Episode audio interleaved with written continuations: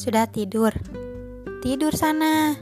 Udah malam gini, masih aja begadang. Istirahatin dulu tubuh kamu. Dikira hati kamu aja yang bisa sakit. Tubuh kamu juga. Udah capek juga kan disuruh bangun dari kenyataan? Padahal tiap bangun ngidamnya yang manis-manis, tapi dapatnya pahit mulu. Hmm, tidur yang nyenyak, baca doa, pakai selimut biar gak masuk angin. Gak perlu nambahin mimpiin dia segala. Nanti gak istirahat-istirahat kalau isi mimpinya ngejar-ngejar dia lagi. Ya elah, tidur pahit, bangun juga pahit. Jadi, pas mau tidur, jangan kebanyakan mimpi. Susah sih tapi anggap aja motivasi.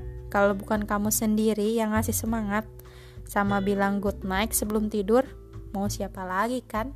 Hehe. Selamat beristirahat.